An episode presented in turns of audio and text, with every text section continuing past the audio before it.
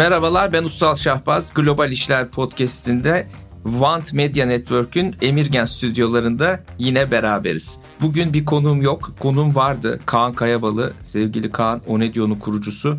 Ama biraz rahatsızlanmış. Kaan'la umarım haftaya bir çekim yapacağız. Çok da ilginç bir konu konuşacağız Kaan'la. İnternette habercilik nedir? Trafik nedir? Para kazanılıyor mu bu işten? Trafik almak için her şey yapılır mı? Onedio'daki tecrübesiyle bunları bize anlatacak. Ama ne yazık ki bugün bizimle olamadı. Biz yine Emirgan'dayız. Ben de bugün size başka bir konudan bahsetmek istiyorum. Çok ilginizi çekeceğini düşündüğüm bir konu. İstanbul'da geçen sene ev fiyatları %156 artmış. Bu artış oranı İstanbul'un iki komşu ilinde daha da yüksek. Kocaeli'de %181 artmış. Tekirdağ'da %165 artmış. Türkiye'nin her yerinde ev fiyatları kontrolsüz bir şekilde yükseliyor. Sadece ev fiyatları değil, kiralar da kontrolsüz bir şekilde yükseliyor. Tabii bu ikisinin arasında bir paralellik de var. Ev sahipleri evin değeri artınca kirayı da arttırmak istiyorlar. Kiralardaki yükselişi durdurmak için hükümet kira artışlarına bir sınır getirdi. Dedi ki bir evde oturanların kirası %25'ten fazla arttırılamaz dedi.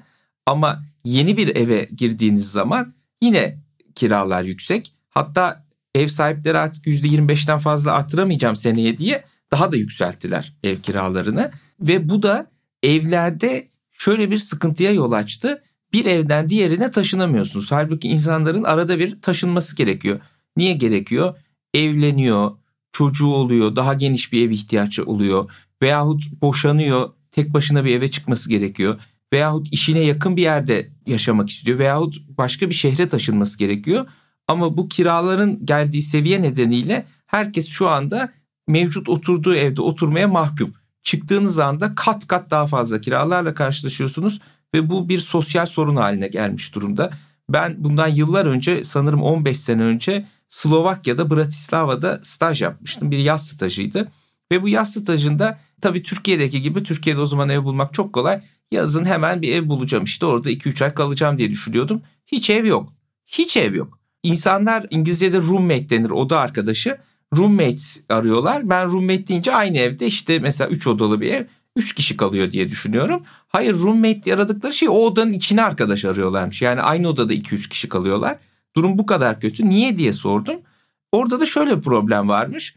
Komünizm bitince Slovakya'da bütün devlete ait olan evleri o evdeki yaşayanlara bedelsiz bir şekilde vermişler. Dolayısıyla herkesin bir tane evi var, kiralık ev yok. Bazı kişilerin birden fazla evi olmazsa tabii kiralık ev arzı ortaya çıkmıyor. Kiralık evde tutamıyorsunuz. O sene Dünya Bankası ve OECD Slovakya ile ilgili yazdığı bir raporda şunu söylemişti. Bugün Slovakya'da gelişmenin önündeki en önemli engellerden biri bu kiralık ev kıtlığı. Çünkü köyden şehre veya küçük şehirlerden büyük şehirlere gençler göç edemiyor. Gençler buralara göç edemeyince buralarda yeni iş kuracağınız zaman çalıştıracak eleman bulamıyorsunuz. Özellikle iyi eğitimli eleman bulamıyorsunuz. Bu da ülkenin önünde problem. Yani kira piyasası, ev piyasası deyip böyle sadece bu kiracıların derdi değil, bütün memleketin derdi. Çünkü iş gücü piyasasını derinden etkiliyor. Ve bu sadece İstanbul'da olan bir sorun değil. Dünyanın birçok yerinde bu sorun var. Mesela Londra'da geçenlerde bir rapor yayınlandı. İngiliz hükümeti Londra'da artan kiraların İngiltere'nin inovasyon kapasitesini düşürdüğünü söylüyor. Diyor ki yine iyi eğitimli insanlar artık Londra'da barınamaz hale geldiler. Kiralar anormal seviyelerde. Londra'da çok fazla yabancı ev alıyor. Ruslar, Araplar aynı bizdeki gibi birazdan oraya da geleceğim. Gidiyorlar Londra'dan ev alıyorlar. Bir daha hiç gelmiyorlar. Ev kapalı karanlık duruyor. Zaten zengin adam işte yazın bir hafta, kışın bir hafta geleceğim diye evi almış orada tutuyor.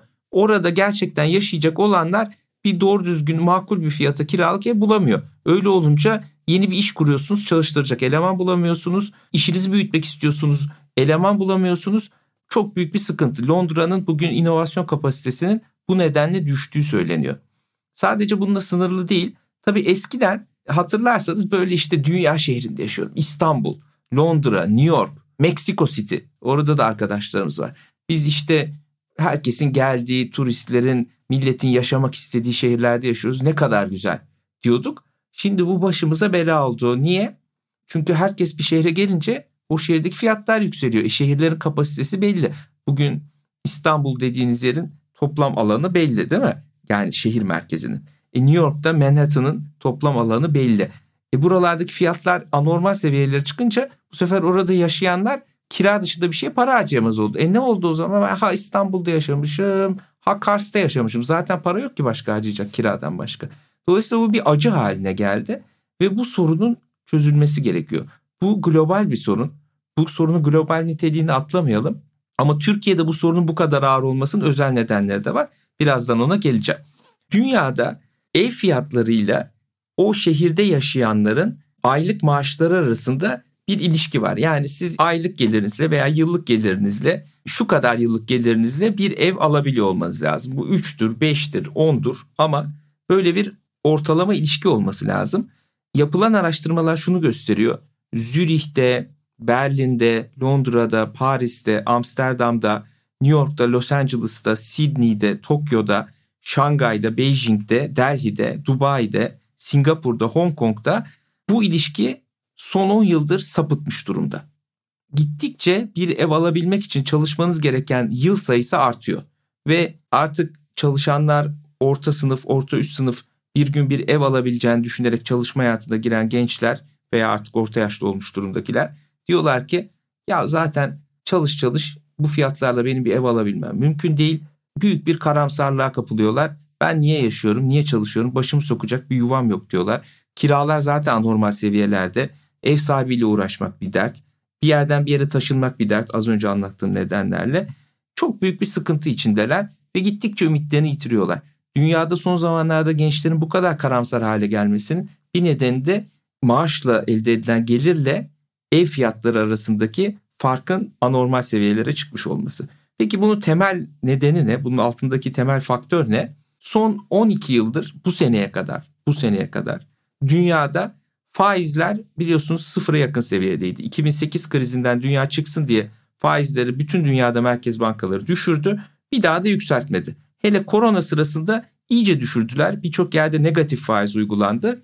Ve faizler bu kadar düşük olunca cebinde parası olanlar, nakdi olanlar ve biz ne yapalım dediler. Parayı faize yatırsak garantili gelir ama yok sıfır hatta eksi. İsviçre'de bazı bankalar gidiyorsunuz 100 bin dolar yatırıyorsunuz size seneye 99 bin dolar veriyor. Şimdi böyle bir durumda ne yaptılar? E biz gidelim varlık alalım dediler. Varlık ne demek? Ev demek, hisse senedi demek, kripto varlıklar, altın bunlar da çok arttı biliyorsunuz. Bunların hepsinin fiyatı yükseldi. Özellikle ev fiyatları anormal seviyelere çıktı. Bir yandan da tabii nüfus artıyor, şehirleşme artıyor. Şehirlerde yaşayan insanların gelirleri şehirler dışında yaşayan veya küçük şehirlerde yaşayanların gelirlerine göre daha çok artıyor. Dolayısıyla oralardaki kira talebi de artıyor. Bu dinamiği Türkiye'de de görebilirsiniz. İstanbul'un geliri, İzmir'in geliri, Ankara'nın geliri diğer küçük şehirlere göre daha hızlı artıyor. Dolayısıyla buralarda zaten bir gayrimenkul sıkıntısı var. Şehir merkezlerindeki alan belli, inşaat yapılabilecek alan belli. Bu kadar kısıtlı bir arıza daha çok talep geliyor. Bir de bunun üzerine cebinde parası olanlar o evleri almak istiyor. Evlerin fiyatı iyice uçuyor. Şimdi geçen seneki İstanbul'daki ev fiyatı artışını az önce size söyledim. %156 nere? Bizim enflasyonumuz çok arttı dediğimiz enflasyonumuz geçen sene %80'lerdeydi. Yani onun neredeyse iki katı artmış ev fiyatları ki o enflasyon da çok yüksek zaten kimsenin maaşı da o kadar artmadı. Böyle anormal bir durum ortaya çıktı. Şimdi bütün dünya faizleri yükseltmeye başladı 2022'de artık bu kadar düşük faiz yeter enflasyonu kontrol edemiyoruz faizleri yükselteceğiz dediler. Türkiye ne yaptı? Faizleri düşürmeye karar verdi. Faizleri 14'tü şimdi 8'lere indirdik enflasyon %70-80'lerde bu kadar anormal bir negatif faiz reel olarak negatif faiz ortamında yani sizin aldığınız faizle paranın değerinin düşüş hızı arasındaki fark bu kadar yüksek olunca ne oldu?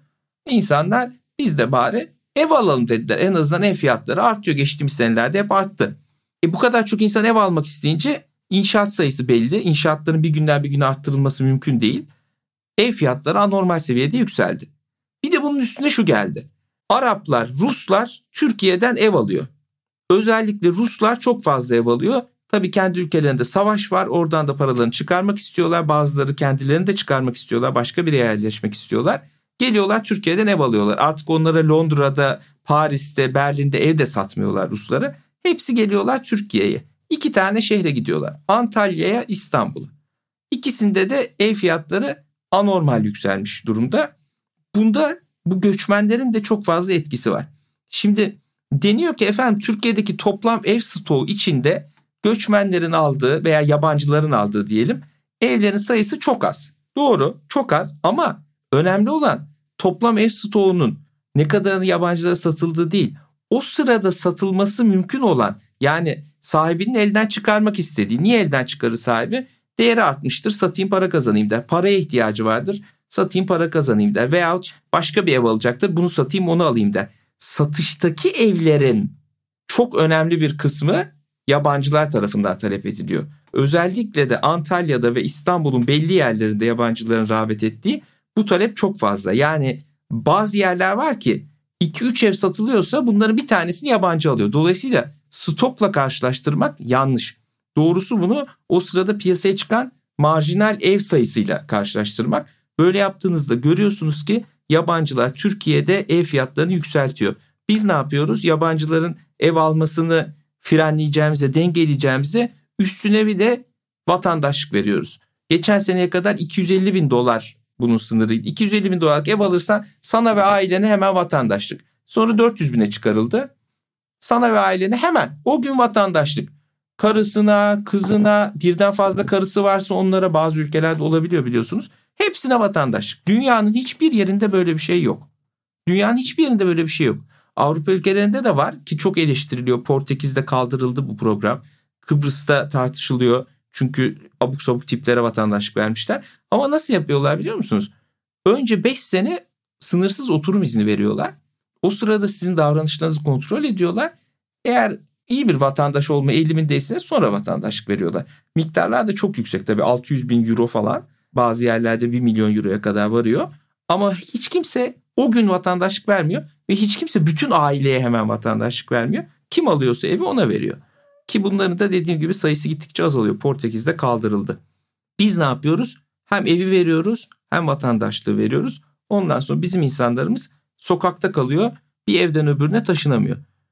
Şimdi bu sorun gittikçe özellikle İstanbul'da, özellikle İzmir'de, özellikle Antalya'da orada iş yapan şirketlerin iş yapmasını da zorlaştıracak. Yani siz bugün bir startup kurayım diyorsunuz. E çalıştıracak adama vereceğiniz para adamın kirasından daha az. Çünkü sizin şirketiniz öyle bir para kazanmıyor. Çünkü Türkiye'deki ekonominin öyle bir çapı yok. Öyle bir gelir getirecek bir ekonomi yok Türkiye'de.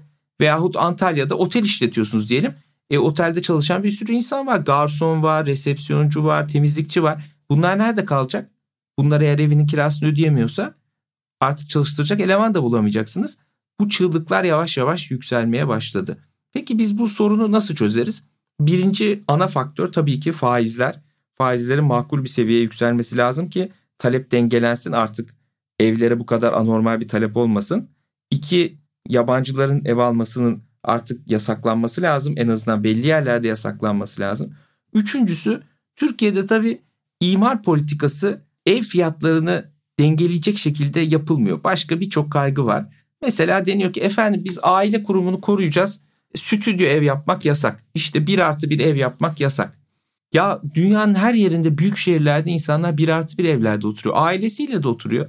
İsteyen ailesiyle oturur. isteyen ailesiyle oturmaz. Türkiye'de boşanmalar son 15 yılda yaklaşık %40 artmış. Zaten herkes ailesiyle oturmuyor. Tek yaşayan bir sürü insan var. Niye sen böyle küçük ev yapılmasını yasaklıyorsun? Evlerin gittikçe küçülmesi lazım. Türkiye'deki kadar büyük ev Türkiye'nin gelir seviyesindeki ülkelerde yok. Yani Türkiye eğer gelişmiş bir ülke olacaksa insanların yaşadığı yerler küçülmek zorunda. İşin tabiatında bu var. Çünkü ülkenin geliri artıyor ama şehirler büyümüyor. E şehirler büyümeyince demek ki oradaki insanların yaşadığı yerler küçülecek. Bu işin tabiatında var. Birincisi bu. İkincisi geçen sene yıllarca ertelendi ertelendi. Geçen sene uygulamaya başlandı. Evlere otopark zorunluluğu getirildi. Şimdi bu tabii bir devrimsel bir şey olarak görülüyor. İşte park problemini çözüyoruz. Bu işi zapturapt altına alıyoruz. Artık herkes evini arabasını park edebilecek. E her bir arabaya ayırdığınız yeri aslında insanlara da ayırabilirsiniz öyle değil mi? Daha çok insan orada yaşayabilir, kiralar düşebilir. Araba kullanmak isteyen de lütfeder parayla bir yere park eder. Niye her evde bedava otopark olsun? Dünyada artık bu tip ilkel uygulamalar terk ediliyor. Amerika'da birçok şehir bunu bıraktı ki Amerika Türkiye'ye göre çok daha fazla araba yoğun bir ülke. Ama biz maalesef dünyayı 25 yıl öteden takip ediyoruz. Aldığımız önlemler yok aile kurumunu kuracağım, yok park problemini çözeceğim filan gibi ilgisiz hedeflere yönelik olduğu için bunların her biri kiraların artmasına ve bu kira sorununun, ev fiyatı sorununun yapısal olarak çözülememesine sebep oluyor. Türkiye'de umarım seçimlerden sonra bu konut politikasını daha ciddi düşünürüz. Düşünmediğimiz takdirde ben teknoloji işi yapmanın da diğer işleri yapmanın da gittikçe imkansızlaşacağını düşünüyorum. Çünkü insanların yaşayamadığı şehirlerde iş yapmak da mümkün olmaz.